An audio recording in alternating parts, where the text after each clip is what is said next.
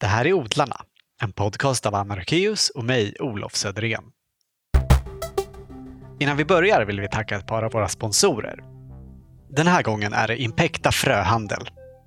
Deras fokus ligger på att hitta sorter som fungerar i nordiskt klimat. I år har de till exempel 62 frönyheter som alla är provodlade i Impectas egen trädgård i Julita i Sörmland. Hela sortimentet hittar du på impecta.se. Tack så mycket Impecta! Vi sponsras också av Grönytekonsult AB som saluför beskärningsredskap av högsta kvalitet. Till exempel japanska grensågar från Silky och Golden Star-sekatörer. Och deras sortiment finns på gronytekonsult.se. Stort tack! Utan sponsorer hade vi inte kunnat göra den här podden. På en gård i Bergum i nordöstra Göteborg huserar odlingskooperativet Lilla Jordbruket. Och I detta avsnitt träffar vi en av grundarna till det, Olle Olsson. Tillsammans med sina kollegor odlar han grönsaker i ett småskaligt regenerativt jordbruk där de lägger fokus på att med ekologiska metoder öka den biologiska mångfalden och bygga upp jorden istället för att utarma den. Hur berättar han om en liten stund i den här intervjun som vi spelade in hemma hos Lilla Jordbruket i början av februari. Varsågoda, Olle Olsson.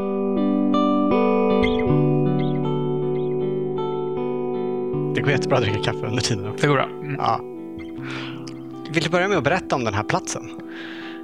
Ja, eh, det här är en kommunägd gård som, eh, som vi odlar grönsaker på tillsammans med två andra företag. Mm. Eh, Ni arrenderar den från kommunen? Ja, precis. Och de har styckat upp marken så att vi har fyra hektar och så är det två andra företag som också har mark. Då. Och vilka är ni som odlar här? I Lilla jordbruket som jag driver tillsammans med Elsa Stenström och och eh, Ulrike Perssonstrand så är vi, ja det är vi, vi tre. Och i sommar så kommer vi vara en eller vi får se, kanske ett par anställda också. Och eh, jag är ansvarig för grönsaksodlingen. Och så är Elsa, hon har ansvarat för våra evenemang som vi har. Och Ulrike är på väg in i företaget. Hon är sjukskriven just nu. Mm. Så eh, när hon blir bättre så kommer hon vara med i grönsaksodlingen och eh, hålla koll på vår blomsterodling också. Så. Ja, ska få berätta mer om verksamheten såklart längre fram. Men vill, du- vill du beskriva lite hur det ser ut? Mm. Så att våra lyssnare får en bild av, av Ja, stället. visst. Ja, man kommer in i en fantastisk allé och ser vårt stora vackra hus och på sommaren så är det liksom helt lummigt och vackert och grönt. Och eh, när man kommer in i allén så har man husen och garaget till höger och så har man våran odling direkt till vänster. Och där har vi ett par växthus, ett par stora växthus och vår våran närmaste åker eh, där vi har våran frilansodling just nu. Och sen eh, om man går vidare förbi gårdsplanen och våran odling så har vi vår närmaste granne Sasha som har sin odling på en åker till. Och så går man ännu längre fram så kommer man till våra andra marker. Hej, nu kommer Mattis. Gårdshunden. Ja, precis. Mm. Mysigt. En av dem. Vi har två. Mm. Ja. Växthusen eh, nämnde du ju. Hur stora är, hur stora är de?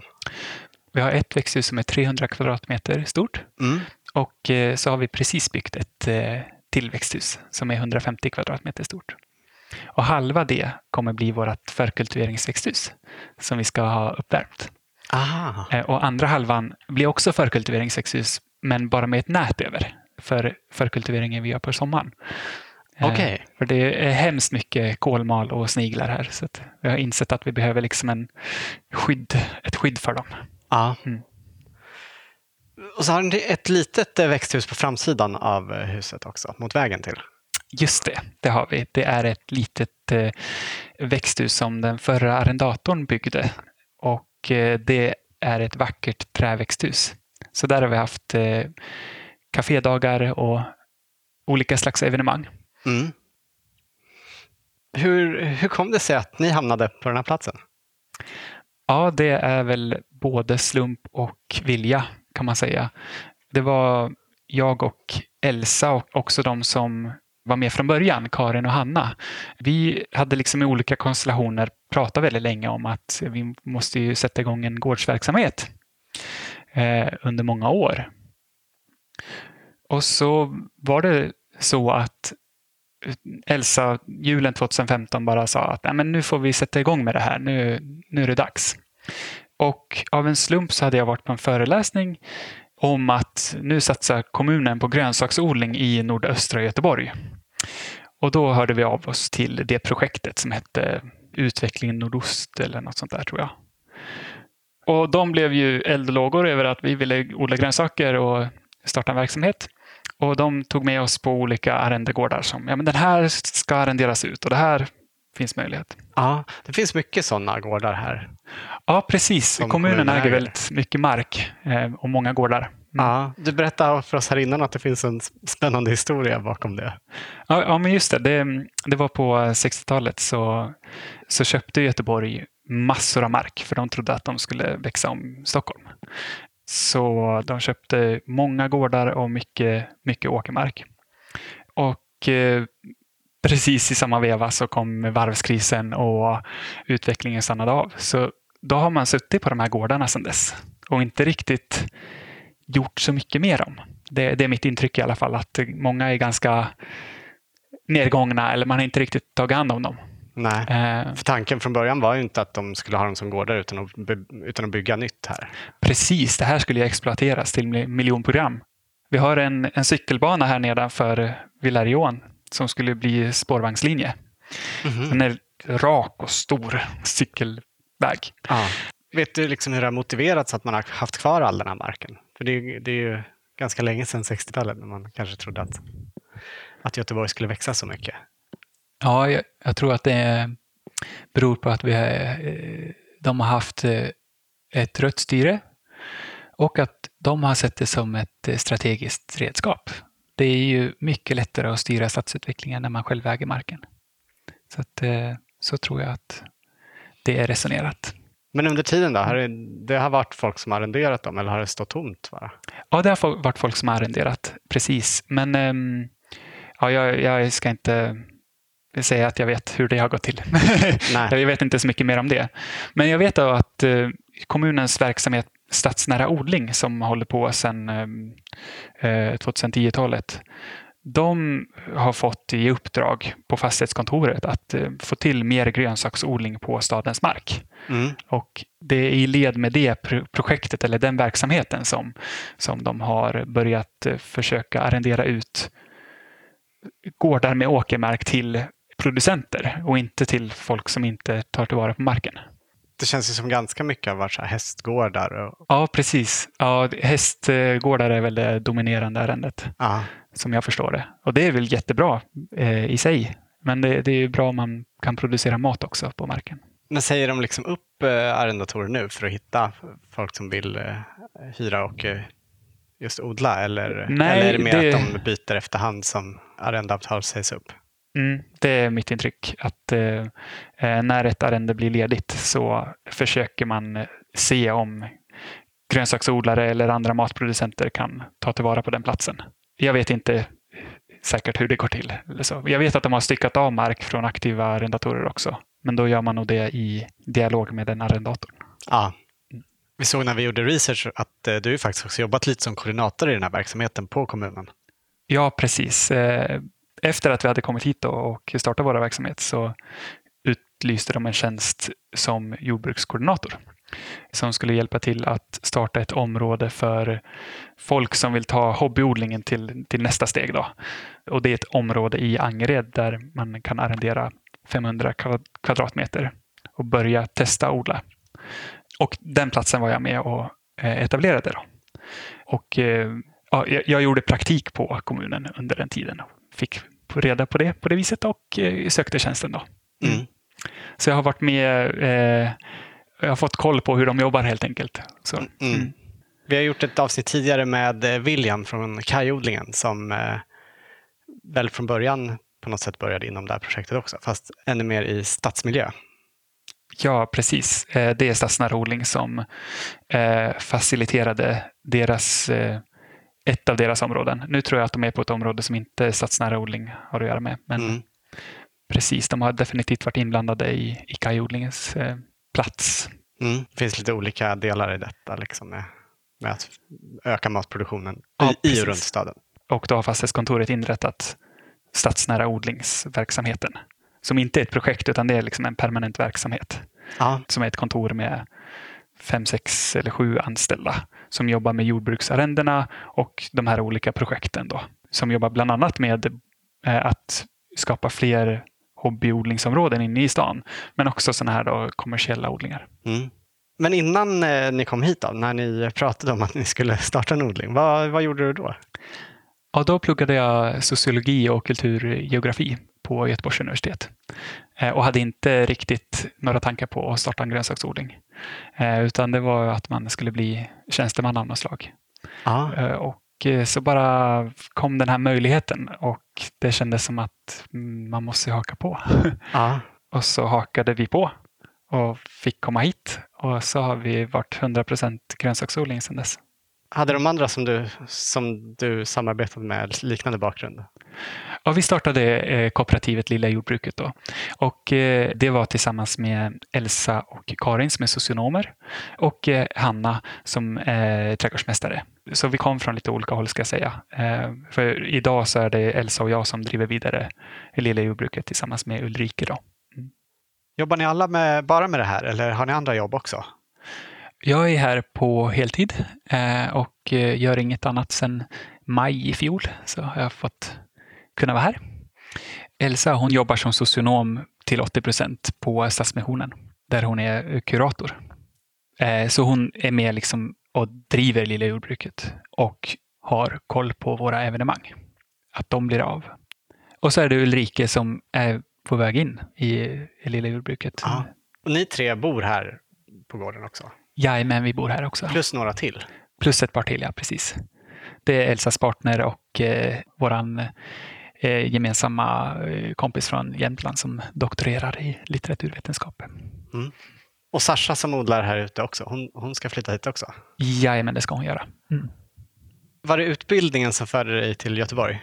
Jajamän, precis. Eh, eh, jag kommer från Jämtland från början och det, ja, det är lite ofta så där hemma då att eh, frågan vart man ska flytta och inte om för att plugga. Sen kanske man kommer tillbaka. Men, eh, så då tyckte jag Stockholm var lite stort och, och valde att flytta till Göteborg helt enkelt. Ja. Jag har förstått att du är uppvuxen med grönsaksodling omkring dig. Jajamän, precis. Jag är uppvuxen på Ås trädgård i Ås. Eh, som är en eh, grönsaksodling. Det är en väldigt småskalig grönsaksodling i, om man jämför med de större verksamheterna. Men eh, jämfört med lilla jordbruket så är det en rejäl nivå uppåt. Det är stora traktorer och lager och eh, packlokal och, och så vidare. Så där växte jag upp och hade gott om sommarjobb varje sommar. Så du har varit, eh, liksom, varit med och odlat själv också? Där uppe. Ja, fast jag ska säga att det var väl inte ett eh, brinnande intresse som jag hade för grönsaksodlingen under uppväxten, utan det var mer att eh, ja, man får hjälpa till liksom. Och eh, fått bra med sommarjobb liksom. Det var snarare de sista två säsongerna som jag var hemma på Åsträdgård i 25-årsåldern som jag vet inte, jag, farsan lämnade över lite ansvar eh, och eh, ja, att vi fick hjälpa till att driva gården lite mer. Och den, att, att få det ansvaret klickade till lite grann. Att, eh, det var himla kul. Mm. Så då var jag och min syster Jorun eh, med och, och, och drev Ås trädgård. Det, det var så himla häftigt. Så då väcktes ett intresse för det här med, med grönsaksodling tror jag på riktigt. Din syster jobbar där nu också? Hon har köpt gården. Ja, Så nu är hon... Eh, hon som driver det. Jajamän. Hon är skitcool. hon har precis fått eh, barn. Samma år som hon köpte gården och bara kör. Kul. Hur skulle du säga att det skiljer sig eh, att odla där jämfört med här? Det är ändå ett, ett klimat som är ganska annorlunda. Mm. Mm, jag tror att det är verksamheten som är den största skillnaden.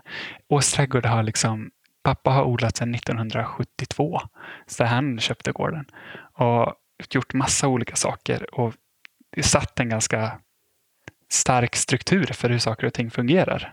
Det är byggda strukturer där och det är traktorer och det är odlingsmetoder som funkar och därför är det liksom svårt att förändra på det såklart.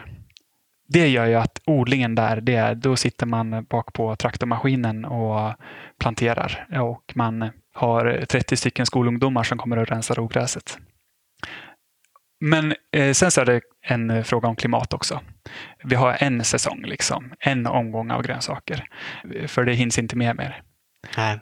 Vi ligger ungefär, vi har en månad tidigare på året här i Göteborg och en månad senare. Så då hinner man med fantastiskt mycket mer. Mm. Så det är väl de stora, stora skillnaderna ska jag säga. Men hur ser liksom, eh, odlar ni för försäljning till affärer och grossister och så där? Eller hur, hur ser verksamheten ut så? Det har varit alla olika modeller på Ås trädgård. Men eh, sen eh, 1992 typ så byggde de en gårdsbutik. Och den har vuxit till att bli liksom den huvudsakliga inkomstkällan. Ja. Eh, så det är tusentals jämtar som åker ut från Östersund, vanligtvis då kanske, för att handla sina grönsaker. Hur långt är det från Östersund? Det är en mil. Mm. Eh, Och sen så säljer vi också då till eh, ICA Maxi och, och levererar morots, eh, ja men såna här kilospaket med morötter och potatis och sånt. Vet du hur det ser ut? Liksom, finns det även i matbutikerna där en efterfrågan just att det är morötter och potatis som kommer från närområdet? Ja, alltså de går ju åt, så jag tror det. Men det, det är liksom en mix av olika aspekter tror jag. På ICA Maxi så jobbar Ingrid och hon har alltid velat köpa grönsaker från oss trädgård. Och det är mycket tack vare henne att de grönsakerna eh, finns där i så stor volym. Så det beror jättemycket på vem det är som är ansvarig för grönsakerna. Men sen så köps de ju också. Eh, Så att eh, det är helt klart att det finns en efterfrågan också. Men skyltas det liksom med att det är därifrån eller eh, hamnar de bland morötter vilka som helst? Så? Ja, det skulle vara intressant att veta om den genomsnittliga jämten vet om Ås trädgård. Mm. Men ICA Maxi i Östersund är ju största butiken. Och jag tycker att de borde ha sett våra morotspåsar. Det är en väldigt fin logotyp. Mm. Är det ekologisk odling där också? Sen 1988 är det ekologiskt. Mm. Ja. Så de var ju tidiga. Och eh, nu har jag pratat om farsan, men eh, eh, mamma Liv har ju varit lika involverad sen hon kom in på gården också. Men det fanns liksom ingen tanke sen när du flyttade hit att du skulle bli odlare också? Alltså, nej, jag flyttade till Göteborg 2011 och eh, då hade jag ingen tanke på det, inte alls. Men sen var det ju då de här säsongerna, 14-15, när jag fick vara med och driva Ås trädgård. Och det var så himla roligt. Och farsan ska ju gå i pension. Så det var ju verkligen en diskussion då. Men jag ville inte flytta ifrån Göteborg. Jag har alla mina vänner här. Mm. Eh, Och eh, det, det var så pass starkt att det fick bli på det viset. Och bara året efter, då, 2016, så kom ju den här möjligheten. Och då får jag både grönsaksodlingen som är ett nytt intresse som har växt till liv. Då, men också göra det tillsammans med mina närmaste vänner. Mm. Så det är fantastiskt. Det är väldigt bra. Är det liksom eh, sommarjobbet och eh, uppväxten där som har varit din skola som odlare? Jag skulle säga att jag har lärt mig mer de senaste tre åren än, än under uppväxten. Det, det, det har något att göra med intresset. Har man intresset då lär man sig väldigt fort. Och jag har läst, jag har verkligen passionerat djupdykt i odlingen eh, sedan vi startade Lilla jordbruket. Och ja, Det är häftigt när man, när det bara man hittar rätt. liksom. Då finns det liksom en kunskapstörst som inte går att släcka. Så jag läser nog allt jag kommer över och går på studiebesök och försöker nätverka med alla våra fantastiska odlare som bor omkring och så vidare. Så det är nog min huvudsakliga skola. Mm. Här, eh, här på Lilla jordbruket, då, vilka är era kunder här? Från och med i år så är det framförallt andelsägare. Eh, så vi har ett andelsjordbruk med lite egen twist på det. Vi försöker anpassa den modellen så att den passar oss. Och det har inneburit att vi har tre omgångar av andelar. Så vi har en primöromgång som man köper om man vill. Och sen så har vi en årets skördsomgång mellan augusti och oktober. Och så har vi en vinterskördsomgång också. Och då kan man köpa alla tre om man vill ha grönsaker hela året eller så köper man bara en för att det var det man var intresserad av. En idé med andelsjordbruket är ju att man ska dela på risken. Och det har vi medvetet försökt tona ner lite grann. Vi säger att det finns en risk i grönsaksodlandet och vi kan inte liksom garantera alla våra grönsaker. Men vi ser till att det finns en bra varierad kasse varje vecka. Om det innebär att vi måste få hjälp från våra grannbönder eller så om det blir kris, då ser vi till att det händer. Men man står inte utan grönsaker hos oss. Och det där är ju en intressant idédebatt också förstås, som man kan följa. Men så Mm. har vi valt att göra. Har det blivit så någon gång att ni inte kan lösa det själva utan får köpa av någon annan? Jajamän, under den här sommaren eh, så var det ju fruktansvärt torrt. Ja, alltså 2018. 2018 precis. Och då var det flera grönsaker som gick hädan. Och så flera sorter som vi inte fick då. Men alltså också fick vi för lite av de sorterna vi, vi hade. Och då la vi mer av de grönsakerna som, vi, eh, som gick bra ändå. Och vid ett par tillfällen så fick vi köpa paprika från vår granne Sasha, för hon hade över. Och eh, jag tror att vi köpte något från vår andra granne Ahmed också som bidrog. Och det är så vi vill göra också, att kunderna får, får sina grönsaker. Eh, och vi ser till att de är av hög kvalitet och från närområdet och eh, småskaligt odlade med schyssta villkor. Men såklart, eh, idén är ju att det ska vara våra grönsaker. Hur många andelsägare har ni? Vi har cirka 70 andelsägare och de har köpt 120 andelar. Mm. Och då ska jag ju säga då att vi har kortare och mindre andelar än vad traditionellt andelsjordbruk har. Som- Just det, för att ni har de här tre, tre säsongerna. Liksom. Precis, precis. Så översatt kanske vi har, jag vet inte, om en, en hel säsongs andelsjordbruk kanske vi har 50-60 andelar. Om man översätter. Men ni har jobbat med restauranger också?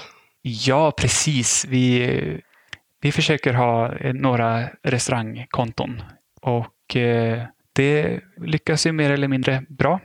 Jag tror att eh, om det ska funka bra att vara så här småskalig och inte kunna leverera eh, 100 kilo tomater i veckan utan man kan leverera 20 ena veckan och 40 andra veckan. Då behöver man ha en ganska bra kontakt med, med kocken. Och de behöver ha en bra baseline. De behöver ha en grossist som de kan ringa om inte vi har det de vill ha. Mm. Eller de behöver ha en grossist som de vanligtvis köper ifrån. Och så wow, nu får vi körsbärstomater från lilla jordbruket och de är ju fantastiskt goda. Men det är intressant att försöka prata med restauranger om det här. Man får ju hitta ett samarbete som funkar helt enkelt. Och då får det, då får det hellre ta tid, alltså att man hittar rätt än att man ska försöka få till något. Man ska säga. Mm. Och Ni säljer också till butiker inne i Göteborg? Ja, precis. Till ett par butiker så har vi, när vi har, så har vi en god kontakt. Mm. Särskilt med Fram då. Fram som är en hel ekologisk matbutik i, i Göteborg. Och sen säljer ni väl eh, genom Rekoring också? Ja, precis. Eh, Vi säljer överskottet kan man säga. Så Kanske inte alla lyssnare som vet vad, vad det är. Vill du ta det lite kort? just det, ja, en rekoring det är, det är väl egentligen en Facebookgrupp där man samlar folk från bygden som blir antingen producenter eller konsumenter. Och producenterna i gruppen de postar varje vecka vad de har till försäljning och konsumenterna de skriver vad de vill köpa. Och så har man en utlämningsplats och tid dit man kommer för att göra affären. Och nu har det här underlättats väldigt mycket tack vare Local Food Notes som är en, en app som underlättar det här. Som vi använder här i, på vår rekoring. Vi har vår andelsutlämning på samma plats som Göteborgs rekoring. Och eh, tack vare det så får vi både liksom, vi, vi, vi har alltid en anledning att åka dit för att vi har våra andelskunder där. Och eh, vi hade ett stort överskott på tomater i, i fjol. Då kunde vi alltid liksom sälja extra tomater till, till Reko-ringens konsumenter. Då. Och så har vi för, liksom varit med lite grann här i den lokala Reko-ringen i Bergum Gunnilse. Men det, det är ingen av de här Reko-ringarna som riktigt har lyft.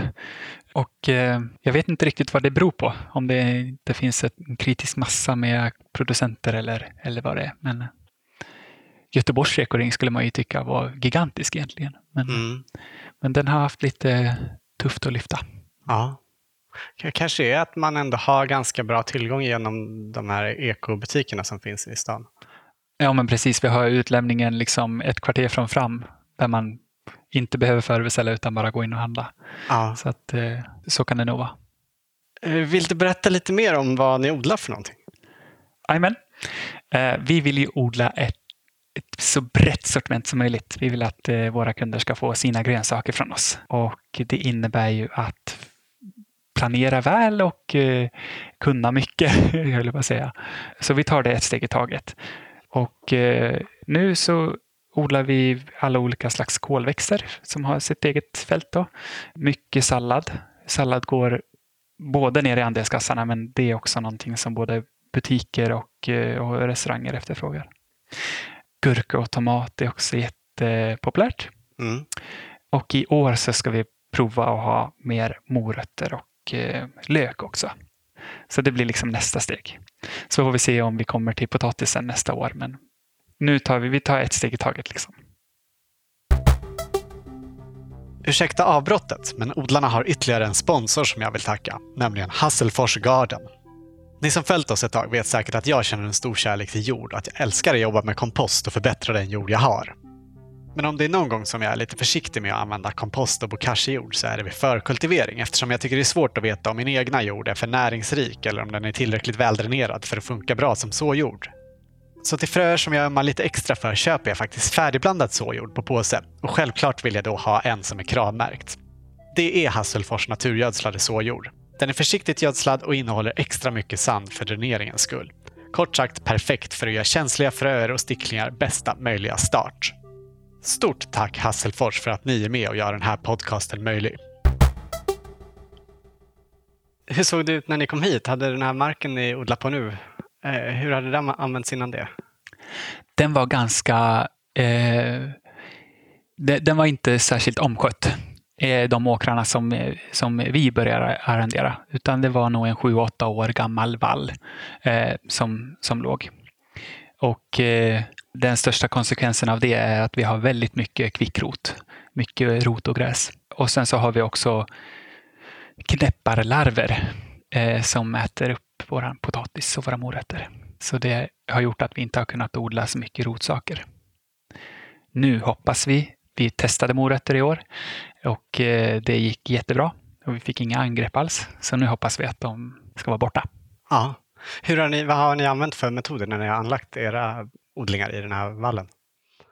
Ja, det första vi gjorde när vi kom hit 2016, det var att lägga en ny vall med röd och vit klöver så att den skulle kunna klara sig och stå i flera år. Mm. Plöjde, ni plöjde ner det gamla eller? Ja, precis. Och fick hjälp från en, eh, fick låna utrustning från en grannbonde så att vi, vi fick det gjort. Och eh, sen så har vi, eh, när vi har brutit ett, ett nytt fält, då plöjer vi upp det och så harvar vi det. Och sen så tar vi potatiskupen och lägger bäddar. Så har vi gjort hittills. Nu, det fältet vi förberedde i år inför, eller i 2018 inför den här säsongen. Då plöjde harvade vi det. Och sen så la vi plansiloplast på en hel säsong för att försöka få bukt på rotogräset. Och där är det många som har eh, åsikter. Det kommer inte hjälpa alls till att det kommer hjälpa jättebra. Så vi får se hur det kommer gå. Och så har vi täckt allt med stora mängder ensilage. Vi hade ett eh, ensilageparty i eh, oktober när vi rullade ut eh, ganska ofräscha ensilagebollar. Men det ska ju vara bra tillägg då. Så får vi se vad vi kan göra. Mm. Och sen när ni väl har anlagt bäddarna, då plöjer ni inte mer och gräver inte mer, utan Precis. ni bara fyller på? Liksom. Precis. Vi etablerar med traktorn, sen så underhåller vi eh, för hand. Och sen ska vi använda, vi använder ju traktorn, vi kör kompost med traktorn och vi kör ensilagebalar. Och att lyfta på tunga saker, det gör vi nog mycket utan att behöva lyfta på de allra tyngsta sakerna. Men sen då, när ni har anlagt eh, bäddarna, vill du berätta mer om hur ni odlar sen?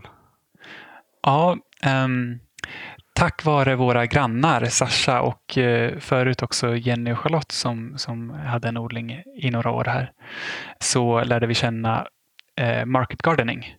Och uh, det har vi gått liksom helt bananas på nu. Om det vill förklara så kort vad begreppet betyder, om vi har lyssnare som inte känner just det, till det. Just det.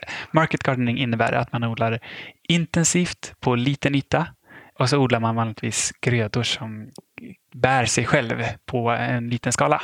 Så att eh, man odlar mindre vitkål för att när du har skördat vitkålen så har den försvunnit och då kommer du inte kunna skörda den igen. Och det är mer effektivt om man gör det på stor skala. Men grönkål är perfekt för den småskaliga market gardening-odlingen för att den kan man skörda under hela säsongen. Och eh, det innebär också att man odlar ganska manuellt utan tunga maskiner. Och det har inte funnits så mycket bra redskap och utrustning för odlingen i så här liten skala. Och det börjar komma nu och det är jättespännande. Men så vi odlar efter den modellen helt enkelt.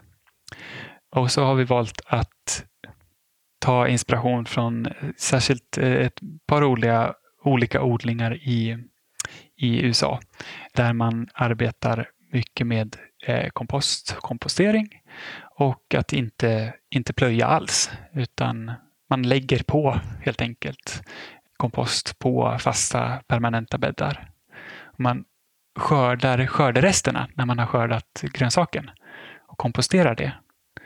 Och när man skördar skördaresterna från en orörd bädd, då kan man plantera i den på en gång utan att behöva sätta på något implement på traktorn eller eh, köra någon eh, diesel överhuvudtaget. Så då är idén att man, man har en gröda växande i bädden hela tiden. Och när man skördar den så planterar man ut en ny stor planta som täcker bädden snabbt så att man alltid har en fotosyntes pågående i backen. Och, och det, vi började nosa på det i fjol men nu, nu blir det väl det stora provet i år. Då, för det. Så jorden står aldrig oanvänd så att säga, mellan grödorna? Precis. Vi vill ha levande rötter som eh, mykorrhizan kan eh, interagera med och vi vill ha ett bladverk som skuggar bort ogräset. Och vi vill ha starka, stabila plantor som vi har drivit upp i vårt växthus. För att det blir liksom bättre resultat då. När man sår så har det ju växtens alla stadier ute på ett oskyddat fält. Det är ju väldigt läskigt egentligen. Och då kommer eh, jordlopporna och kolmalen och sniglarna och tuggar i sig det där. Så då kan man försöka förebygga det med, med den här metoden. Då. För ni förkultiverar i princip allting? Ja, så absolut mycket vi kan. Så det är väl morötterna som är, ja, de försök som vi har läst om har inte funkat så att det eh, förkultiverar vi inte. Eh, och sen så rucolan är så hemskt lätt att göra direktsådd på så att det, det gör vi inte heller. Men eh, allt annat och sådana saker som man tänker att man måste så, de förkultiverar vi i, eh, i grupper så att varje plugg har flera, flera frön. Mm, I, som en liten tuva? Ja, men precis. Som persilja-tuvor som vi planterar ut helt enkelt. Får ni ihop tillräckligt med kompost här på gården? Liksom? För jag tänker, ni plockar ju ut en skörd hela tiden. Men måste ni liksom tillföra något utifrån? Ja, precis. Och nu ska jag säga kompostprojektet här och idén, den är liksom ny för oss. Eh, och kompostering var inget vi jobbade med på Åsträdgård under, under min tid där, utan det var tidigare på 80-90-talet som de höll på med kompostering där. Så det här är någonting som jag inte kan. Men jag tror på modellen. Eh, och det är klart att skördaresterna inte räcker. Men vi har väldigt god tillgång på hästgödsel i kommunen. Så det tror vi är en bra ingrediens. Och så har vi gott om eh, skadat ensilage som vi kan använda också. Så eh, vi får se hur det går. Vår trädgårdsmästare som kommer att jobba med oss i sommar, hon älskar kompost. Så vi, vi ska lära oss det här tillsammans. Det är någon ni har anställt som ska komma? Ja, det är Nadja som är en gammal kompis som har jobbat på Åsträdgård hemma i Jämtland. Aha. Och hon bor här nere i trakten nu. Och jag bara frågade om, ja men ska inte du komma och jobba med oss? Och så hakade hon på. Så nu har vi liksom eh, landsändans bästa trädgårdsmästare på ingång och det känns jättehäftigt. Mm, mm. Kul. Men häftigt också att ni, ni är i det läget att ni kan anställa. Ja, jag, jag tror att för att kunna liksom bli så hållbara så att vi kan leva på det här, då behöver vi vara på en gång flera som kan ta ansvar för odlingen. Och eh, Nadja är en sån person som kan styra upp grejer. Och det märkte jag i fjol att nu är det ju på lilla jordbruket så är det jag som har eh, koll på grönsaksodlingen. Så, och det blev liksom, det blev lite mycket att ha koll på ensam. Så ja, vi kan anställa Nadja, men sen ska det till lite mer om jag ska få en lön också. Då framtiden. Mm. Är det tack vare att ni har andelsmodellen där kunderna betalar i förväg som eh, ni kan anställa? Jajamän, det är både andelsmodellen men det är också, ska jag säga, att vi har fått ett stöd på, från Jordbruksverket, ett startstöd som är hjälpsamt också. Mm. Men om vi återgår till det här med hur ni odlar och komposten. Är målet liksom att skapa ett nära kretslopp? Det är väl klart att det vore bra, men det är inte det överordnade målet. Jag tror att eh, det, överordnade målet är att få det här att gå ihop. Att det ska vara ekonomiskt hållbart. Och eh, jag tror att den här modellen är rätt väg att gå ur den synvinkeln. Framför allt. Om jag slipper sätta mig i traktorn och eh, göra om en bädd varje gång jag ska plantera ut, då har jag ju sparat arbetstimmar.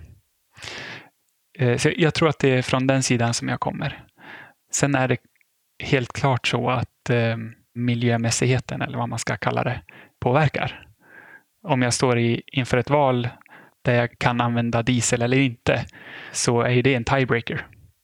Men jag har inte satt mig ner och funderat på hur ska jag få den här odlingen att bli helt, eh, helt fossilfri. Det, jag tror att vi gör nog mycket gott av att vi odlar ekologiskt med hög eh, biologisk mångfald. Eh, så att vi kör en del traktor, det, det får faktiskt vara. Mm. Eh, vi behöver knäcka nöten hur vi får småskaliga ekologiska grönsaksodlingar lönsamma först så att vi överlever i den här världen. Mm. Ni odlar ju som du sa ekologiskt och har också valt att kravcertifiera er odling. Jag vet att vissa väldigt små producenter som odlar enligt ekologiska principer struntar i det för att de tänker att de ändå har så nära kontakt med sina kunder och kan berätta hur de odlar. Varför var certifieringen viktig för er? Ja, det är flera faktorer. Man kan ju säga ett par saker.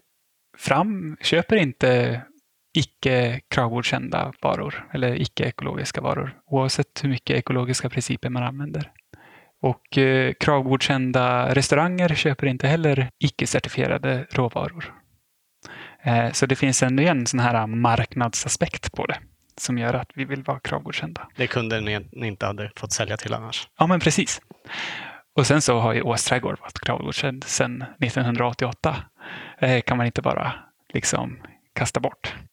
Det är ju en rörelse eh, som manifesteras i kravmärket.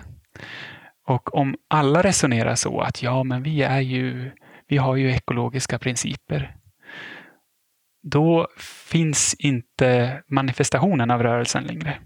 Och där tror jag att det är viktigt att hålla på de strukturerna som vi redan har, som mina föräldrar har kämpat för att bygga upp. Så det tror jag också är en faktor. Och så blir jag en bättre odlare ja, att eh, det kommer en kravkontrollant hit och eh, ser att vi dokumenterar och att vi köper rätt eh, implement och fröer och att vi har godkända metoder. Och Det tycker jag är bra. Eh. Ja, men man kontrollerar liksom allt, allt som ni har köpt in? Ja. För att se att ni inte har köpt något som inte är tillåtet i ekologisk odling? Ja, precis. Mm. En sak som jag tycker är väldigt intressant med det här, det är att lokalt börjar bli det nya liksom, ekologiska. Ja, det är många som liksom säger att de handlar lokalt och därför är det inte viktigt att tänka på att det är ekologiskt. Typ precis, så. ja precis. Och att eh, nu med rekoringarna, att de kommer, att, eh, att det är nästan viktigare att det är, ja men vi handlar ju från bygden liksom. Och nu känner jag folk som är konventionella och, och har all respekt för deras verksamheter.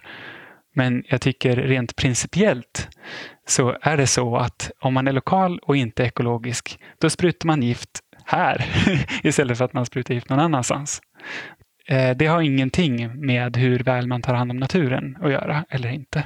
Nej. Och Det där är en sån glidning i diskursen som uppstår när man inte har den här, när man inte skyddar strukturen som är till exempel kravmärket. Så där tror jag att det finns ett värde. Och förutom då att man eh, sprutar ut gift på marken här så är man också beroende av insatsvaror, både eh, bekämpningsmedel och konstgödsel som kommer någon annanstans ifrån och som kanske har gjort skada någon annanstans. Ja, men precis. Och det är ju inte, ja. det är inte lokalt. Eh, nej, nej, men verkligen. Ja, om man ska försöka dissekera begreppet lokalt då, då kan vi nog sitta väldigt länge. men jag tror att Och jag tycker att det ska vara lokalt. Det är väldigt bra att handla lokalt. För det, det är så vi skapar lokala ekonomier. Men eh, det är inte samma sak som ekologiskt. Det är väl det jag vill föra fram. Mm. Det behöver vara lokalt och ekologiskt. Ja, men det känns ju som att det ofta blir så här lite stuprörstänk just i den här diskussionen. Ja, det, det verkar ju onekligen så. Och jag tycker att de här större frågorna, när man jämför ekologiskt och eh, konventionellt jordbruk, eh, liksom, det är inte helt lätt. Det är inte rakt av att säga så här, men ekologiskt är alltid bättre på allt. Men det, det är ju så fint, oavsett hur vi eh, diskuterar och debatterar med varandra så kommer det ju visa sig. Och det visar sig nu, liksom bina dör. Så att det, ja, man kan göra mer eller mindre rätt tror jag. Och jag tror att ekologiskt i många fall är mer rätt. Så det är därför vi väljer att vara ekologiska helt enkelt. Mm. Det är min, min tro också. Vissa väldigt små producenter säger att det är dyrt att certifiera sig. Eh, Det är, Alltså- ja, det är ju inte dyrt. det kostar 5 000 spänn om år. Eh, Och eh, det, där kommer vi tillbaka till det här med lönsamhetsfrågan som vi pratade lite om förut. Att ja, men ska vi gå runt, då är inte 5 000 mycket. Men är man liksom på gränsen till att det är en hobby, då är det ju jättemycket. Mm. Du var ju inne på att ni har lite andra delar i verksamheten än just odlingen. Vill du berätta mer om det? Ja, alltså de största delarna som det har blivit nu, det är att vi dels har evenemang. Och det har vi vårt lilla fina träväxthus då, som, vi, som vi fick ärva från förra arrendatorn. Och vad är det för slags evenemang? Det återkommande det är ju våran trädgårdsfrukost. När vi bakar och eh, eh, gör frukost och eh, försöker ha med det vi odlar. Och bjuder in till att eh, man får komma hit en söndag förmiddag och spendera dagen på gården. Och då får man förboka sin plats. Alltså. Och det har varit väldigt trevligt. Och så har vi haft finmiddag ett par gånger. När vi har, eh, första gången hade vi fem rätters och berättade om våra bakgrunder och vart vi kommer ifrån och vad vi vill med odlingen. Och det där att få liksom eh, ja, träffa kunderna lite längre och på något sätt skapa någonting mer än bara broccolin på tallriken.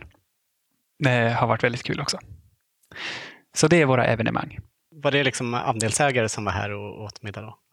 Eh, Delvis, men eh, det är öppet för alla. Det är bara att man förbokar. När vi, och det har vi haft en gång om år. Så det är Mm. väldigt exklusivt. Lagar ni mat själva också då? Ja, precis. Eh, En, eh, Elsas eh, kille är väldigt matintresserad och gör fantastiska grejer. Och poängen då med de middagarna är att de är helt och hållet baserade på våra grönsaker.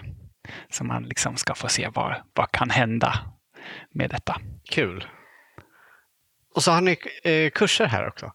Ja, precis. Som jag sa så har jag lärt mig så himla mycket. Vi har lärt oss så himla mycket de senaste åren.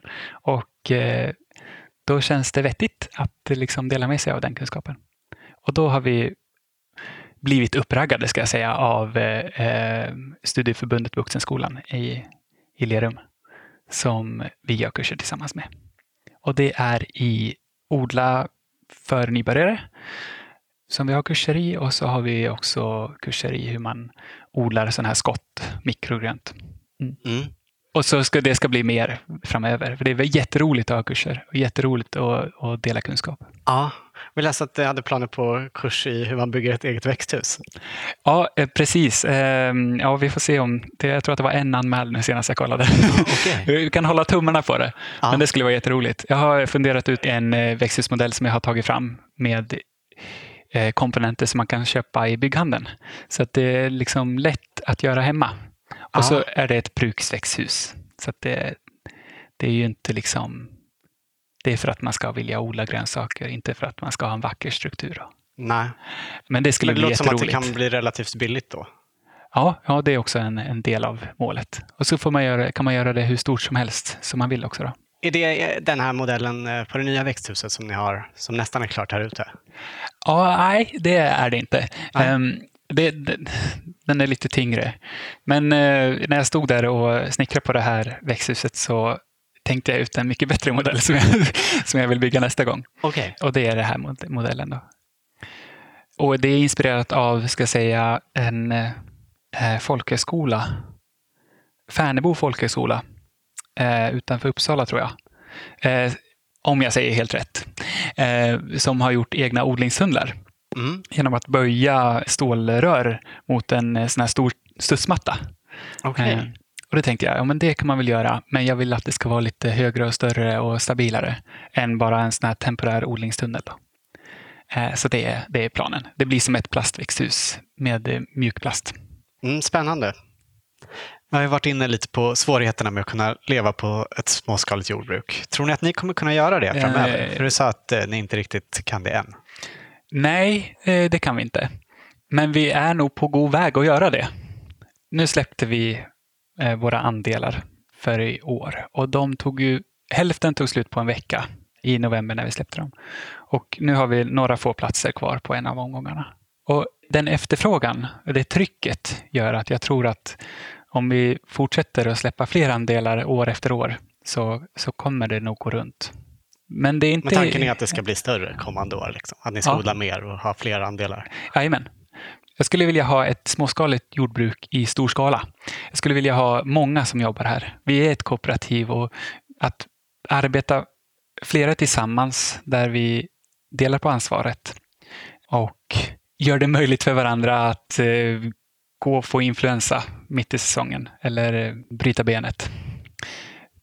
Jag tror att för att det ska vara helt hållbart så behöver vi liksom komma upp i den nivån. Att man ska kunna bli sjuk utan att allt bara faller. Ja, det är ju sårbart om det är för litet. Precis, precis. Om allt står och hänger på en eller två personer så kan det bli lite tungt tror jag. Så det är planen. Vi ska vara tre, fyra heltidsanställda här som jobbar. Mm. Och vi ska odla på våra fyra hektar som vi har arrenderat. Sen är det en fråga om, om liksom hur snabbt vi kan skala upp det här. Och det, det får nog marknaden, liksom, efterfrågan, avgöra lite grann. Ja. Jag minns inte om du sa det i början, men hur stor andel av de här fyra hektaren odlar ni på idag? Idag så odlar vi på 3000 kvadratmeter kan man säga, ungefär. Ja.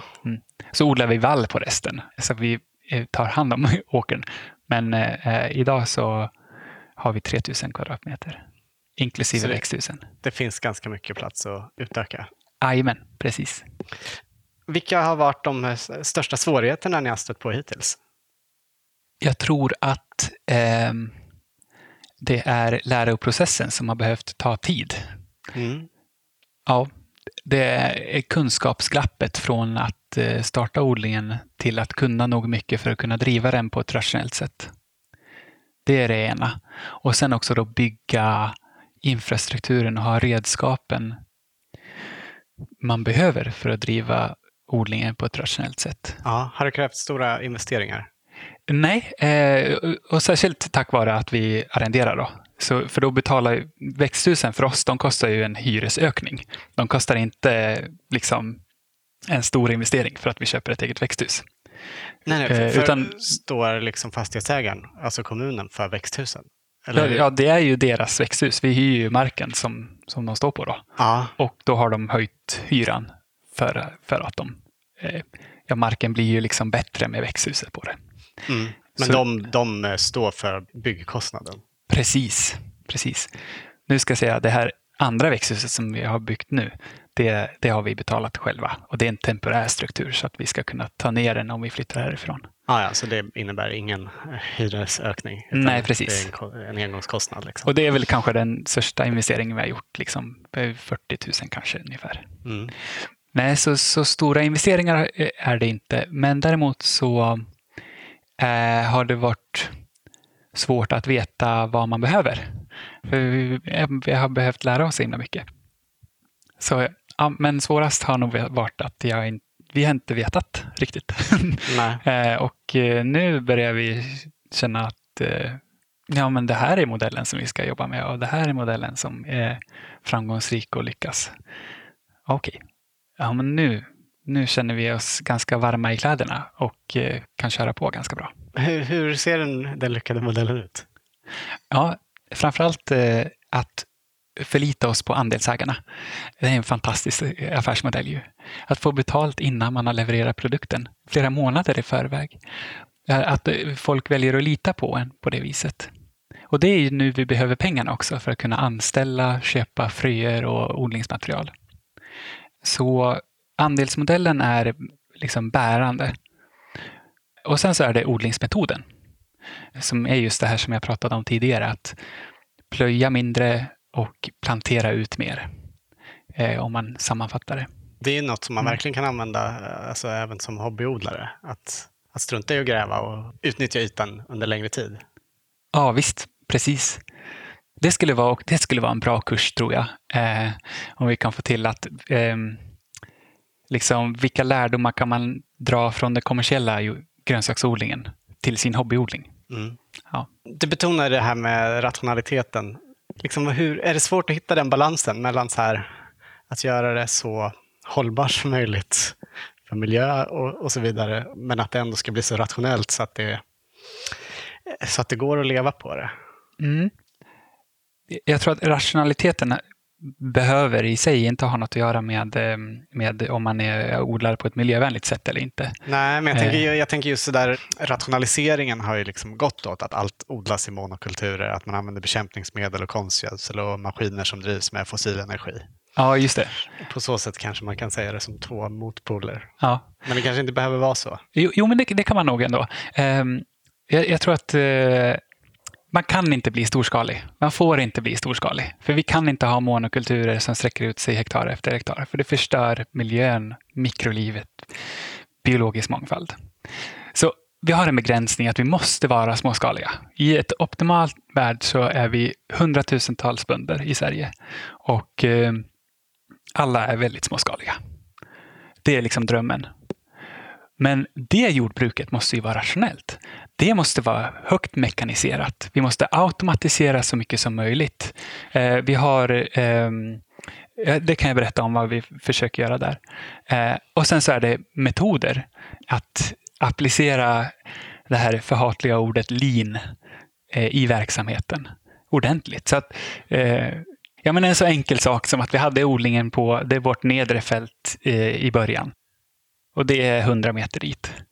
Och att gå fram och tillbaka dit varje gång man glömt något på gården eller, eller bara gå till jobbet istället för att gå till fältet som ligger bredvid huset. Mm. Sådana där saker är på allvar någonting som gör skillnad och som man kan hitta och, och liksom ah, knåda. Sånt man pratar mycket om inom permakulturtänk. Ja, men det kanske man gör. Ja, precis. Jag har inte så bra koll på permakulturtänk, men, men, men det låter ju bekant. Ja. Och det här med automatisering. Eh, vi har eh, automatisk ventilation på växthuset. Vi har precis köpt ett jättehäftigt bevattningssystem som läser av väderleksrapporten och vattnar liksom därefter. Ah. Och sparar all data. Och vi samarbetar med en bonde som heter Bengt Torstensson som eh, håller på att utveckla ett temperaturkontrollsystem och medföljande webbsida där man kan kontrollera temperaturen som varnar om eh, gränsvärdet överstigs. Sådana där saker är ju saker som inte gör mig till en sämre odlare, utan det gör mig tvärtom till en bättre odlare. Att jag slipper gå till eh, växthuset och veva upp det varje gång det blir eh, solen kommer fram. Eller och sen att... hinna ut och stänga i tid innan för mycket av värmen går ut. Precis, ja. precis. Eller, eller, eller vattna för mycket eller för lite. Ja, och, och, bevattningen. Jag kan lägga, om jag lägger alla timmar som jag går med slangen och liksom vattnar på plantorna. Om jag lägger de timmarna på att istället läsa av hur mycket vattnade jag förra veckan och vilket väder var det och hur ska jag anpassa det till den här veckan för att det ska bli så bra som möjligt. Och låta maskinen sköta själva bevattningen då, då tror jag att jag får mer tid till att lägga på just det kunskapsintensiva i odlingen. Och det tror jag att vi måste hålla på och göra hela tiden. Och där kommer ju det där begreppet rationalitet in. Utan att på något sätt tumma på att vara en miljövänlig verksamhet. Vi såg en, eh, en film på Instagram när de visade en ny, en ny hembyggd såmaskin för pluggrätten. Jajamän, ja. Um, och där kommer ju två aspekter in. Och den ena det är att man kan ju hitta den här, äh, det här mer um, rationella, ja, ordentliga jordbruket i det, i det lilla också.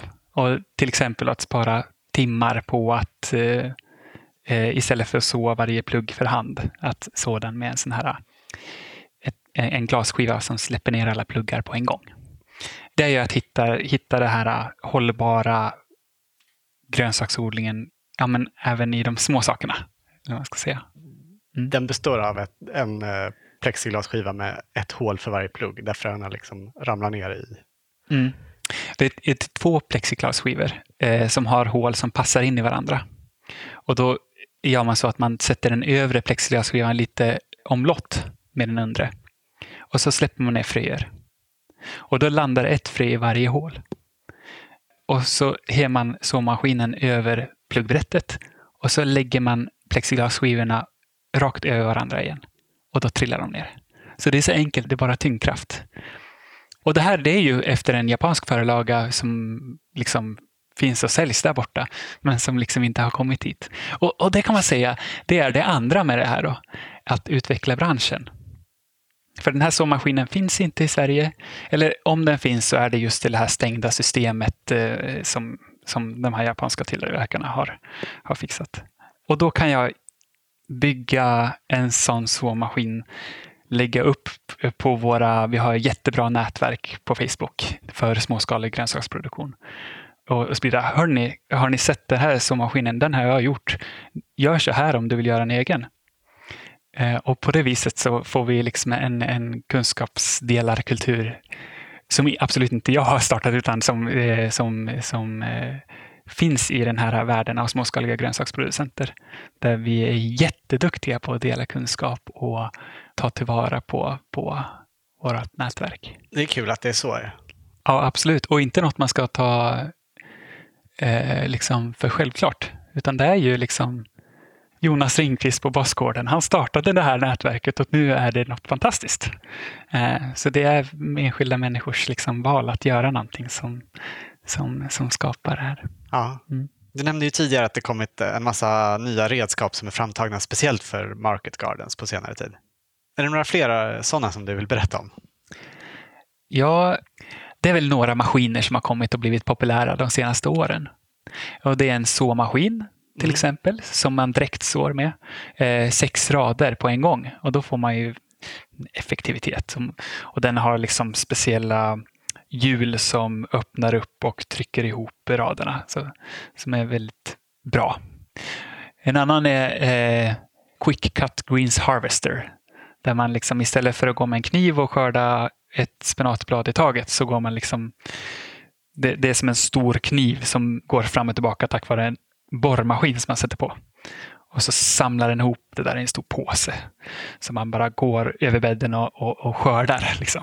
Som en sorts, eh, vad ska man säga, skördegräsklippare nästan. Ja, ja, precis. Ja. Och så den största nu som har slagit så himla stort, det är eh, något som kallas Paper Pot Transplanter. Och det är ett slutet system där man har såna här vanliga eh, pluggbrätten men istället för pluggar så är det en, eh, ett papper som man drar ut i brättet.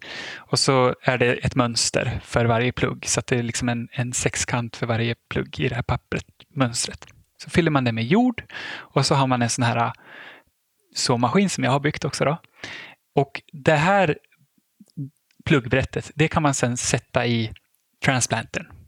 Som är en liksom Ja, det är svårt att beskriva, men det är som en plåtskiva som ligger längs backen. Så lägger man brättet i den och så drar man ut eh, det här pappret. För då, när man drar i pappret, då, då löser det upp sig från de andra. Så att det blir liksom bara en lång remsa av pluggar. Eh, och så planterar man första pluggen. Och sen är det bara att dra den här eh, transplanten. Och då sköter ju liksom pappersmönstret att allt blir utplanterat av sig själv. Så istället för att gå för hand och plantera varje plugg för hand liksom, så bara drar man den här maskinen. Liksom. Har ni en sån här? Nej, huva. Nej, det, vi har alldeles för tung lera. Eh, ja. Jag tror inte att det skulle funka bra. Nej, det ser rätt coolt ut. Jag har sett uh, filmer på det. Det ser mm. rätt coolt ut när man drar den där. Och den det är ju verkligen ut, liksom, den här remsan, liksom. Ja, det är ju timtal av arbete som man sparar till minuter. Men det ska ju liksom vara så här optimala odlingsförhållanden. Och det får inte regna och det ska vara exakta bäddar och alltihopa, tror jag.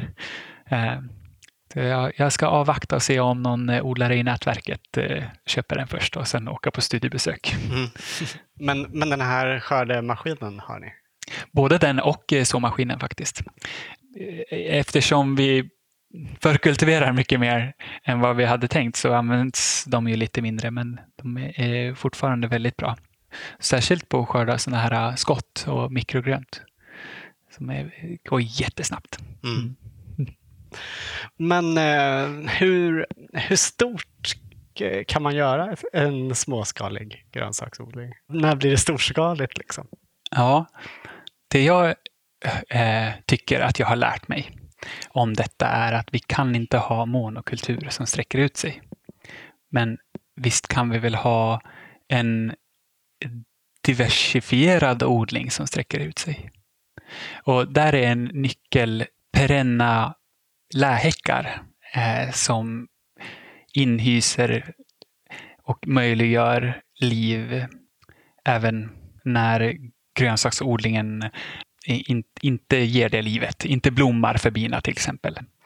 Eh, och där är ju en kille som heter Jean-Martin Fortier som har gått i bräschen. Mm, I Där- Kanada? Ja, precis. Han har, han har alltså, för var tionde 30 meters bädd, så har han en hel bädd med bara buskar. Det är helt galet liksom ur yta-synpunkt. Men han menar att, att det blir så pass mycket bättre biodiversitet och så mycket bättre hem för insekter och liv som är nyttiga i odlingen.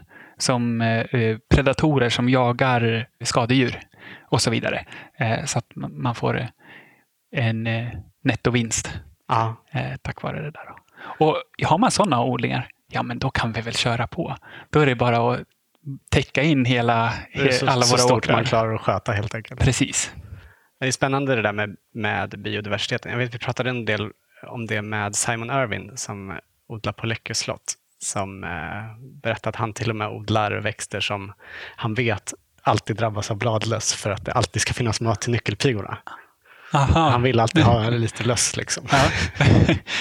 ja, och det, det där kommer i det kunskapsintensiva in.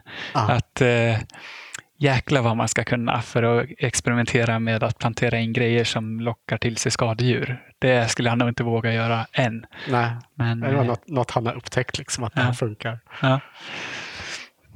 Eh, behöver ni någonsin köpa grönsaker själva? Eller, eller är ni självförsörjande på det härifrån gården? Eh, nej, det är vi inte. Eh, det är vi verkligen inte. Eh, men eh, vi försöker väl.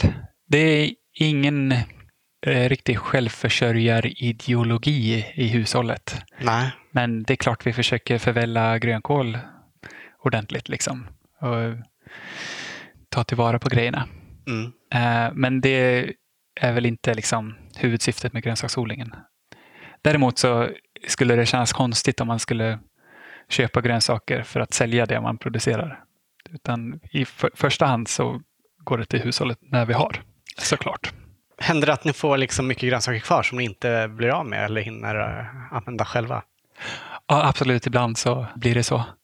Och det är nog, jag tror att det är så här etableringsväxtverk. När man lyckades så fantastiskt med spenat, eh, tidiga spenatskörden i växthuset i fjol. Och bara shit, jag har 10 kilo spenat idag och eh, inte riktigt någon att sälja det till. Så det där, jag tror att man får landa lite i någon slags etablerad försäljningskanal först. Innan, innan sådana olyckor händer. Ta, tar du vara på saker från naturen också? Eller är det, hin, hinns inte det med i, i allt odlande? Ehm, nej, det ska jag säga att jag inte gör. Utan, så jag, jag tycker det är väldigt svårt att odla grönsaker. Det är så, man måste kunna väldigt mycket. Och eh, eh, det, det räcker. Och det är just odla grönsaker som jag tycker är väldigt kul. Mm. Vad är det du tycker är svåraste med odlingen? Ja, jag undrar om det är så lätt att sätta fingret på. Jag tycker att det är svårt att få... Det är svårt att tajma skörden med kunden och hitta rätt kund. Och också liksom förutse vad är det som tar tid och hur mycket tid tar det. det är liksom inte själva odlingen i sig, att få det att växa, utan det är det som är runt om. Man kanske kan säga så här att det, det är en, det, det är väldigt mycket att kunna när det kommer till grönsaksodling. Eh, och det är liksom en färdighet som man, som man växer hela tiden i. Så det är klart att när jag börjar och eh, ska stå för gödselplanen själv och, och farsan inte är här och håller mig i handen, då, då är det svårt. Eh, och så går en eller två säsonger och så, ja men okej, nu börjar jag få grepp på det här. Så jag skulle vilja säga liksom att färdigheten i alla dess olika komponenter är, den, det är liksom en, en stor utmaning. Och eh, ja, den, den, kan sluka liksom all ens tid tills man eh, får bli på det. På något sätt. Men du har aldrig tänkt att du eh, vill, vill upp eller att det blir för svårt? Nej, det kan ju vara så att ja, jäklar, nu kommer inte rucolan upp här. Eh, nu ger jag upp på rucolan den här omgången. Så försöker vi igen nästa omgång. Så kan det ju vara. Men eh, det, det, här är, det är liksom en passion som har väckts med grönsaksodlingen. Så det i sig, det, det är nog ganska ostoppbart nu. Jag är fast i det här. Med mm. all glädje. Det är fantastiskt roligt. Få i ordning på det här systemet. Det här, liksom, det här maskineriet som måste funka på alla håll och kanter. Odlingsbrätterna i källan måste må bra samtidigt som växthuset ska inte krossas under snön och eh, alla rätt inköp ska göras inför att säsongen börjar. Ja, det är häftigt att lära sig allt det. Och det är mycket att lära sig. Mm. Mm. Nu nämnde du källaren, den pratade vi aldrig om förut, men det är alltså där ni har eh, era, er förkultivering idag? Ja, precis. Ja, vi har precis inrett den. Så uh, nu är det vår nya förkultiveringskammare. Och vi ska odla riktigt tidigt i år. Eh, och då försöker vi ha lite kallare där nere så att de inte ska bli helt chockade när de kommer ut i växthuset sen av kylan. Mm. Eh, dina föräldrar då, som du sa har odlat på ett annat sätt än vad ni gör här. Har du fått några reaktioner från dem på hur ni odlar? Um, no, mest positiva. Jag tror att de är så överväldigat glada över att jag odlar. Ah. Eh, så det, men eh, så får vi väl se vad de säger. Det är väl några små saker som de har synpunkter på. Men det har ju fört oss väldigt mycket närmare. Jag har aldrig pratat så här mycket med pappa. Jag ringer honom flera gånger i veckan ibland. När jag, när jag behöver. Då är det ju att vi pratar om, om gården och odlingen. Vi är mm. ju perfekta konsulter. Mm. liksom, eh, så. Nej, men de är positivt inställda. De tror på det här tror jag. Mm. Mm. Vad är det för små saker de har haft synpunkter på? Ja, men eh, ett exempel det är den här metoden att eh, dra upp stora plantor innan man planterar ut dem. Är, eh, de anser att eh, det finns en optimal storlek som plantor blir innan de ska planteras ut. Och efter den storleken så kan de eh, hamna i stå ute i, på fältet för, för att de har fått vara i pluggbrättet för länge. Och hänvisa till olika eh, forskningspersoner på det där. Mm. Och, och då har jag ju faktiskt backat också. Men eh, vi har väldigt bra eh, neutral rådgivning om man ska säga så också. Eh, Kirsten Jensen på Västra Götalandsregionen. Eh, mm. på Länsstyrelsen? På, på Länsstyrelsen. Eh, så då mejlade jag och frågade henne om detta. Och så, så länge man har eh, djup, djup plugg så kan man ju dra upp större plantor. Mm. Ja, men det är ett sånt där exempel. Nej, men nu har du fel Olle, du får inte göra sådär. Du ska, håll, gör som vanligt.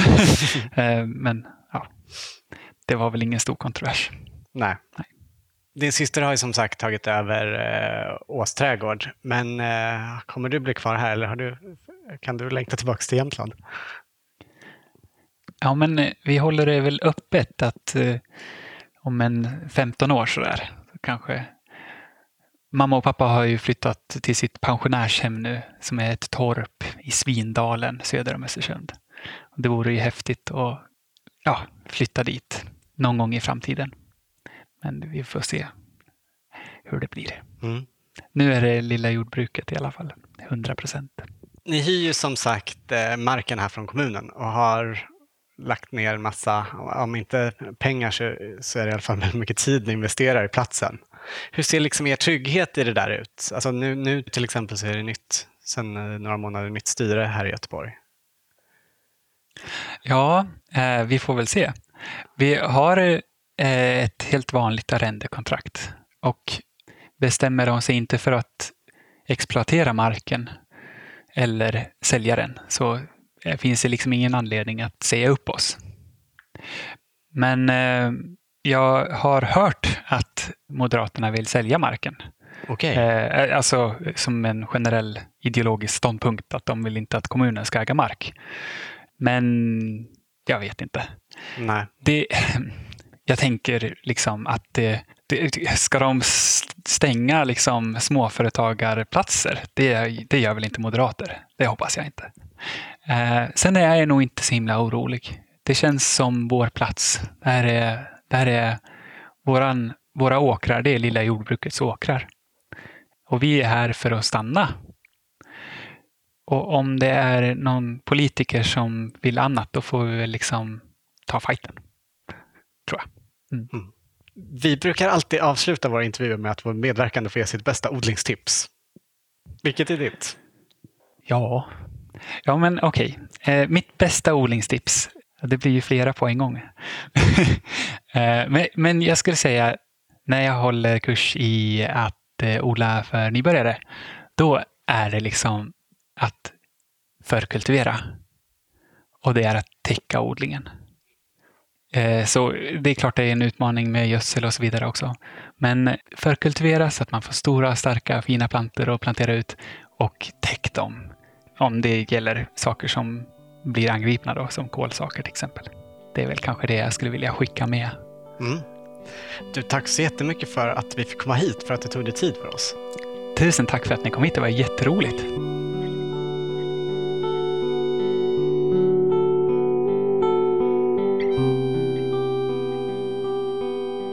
Du har hört Olle Olsson i Odlarna. På lillajordbruket.se kan du läsa mer om verksamheten på gården och om du så vill hur du köper andelar i deras skörd. Där går det även att läsa om deras odlingsmetoder och var de i sin tur hämtat inspiration ifrån. Och Lilla Jordbruket finns även att följa på Facebook och Instagram. Tack för att du lyssnat och stort tack än en gång till våra sponsorer som möjliggör den här podden. Grönhete Konsult, Hasselfors Garden och Impekta. Producent för odlarna är Anna Rökeus. Jag heter Olof Söderén. Vill du följa oss kan du göra det på vårt Instagramkonto Spenatistan eller på bloggen med samma namn. Och vi vill också flagga för vår odlingsbok Spenatistan som finns i bokhandeln, både på nätet och i fysiska butiker och på många bibliotek. Vi hörs igen om två veckor. Ha det gott! Hej då!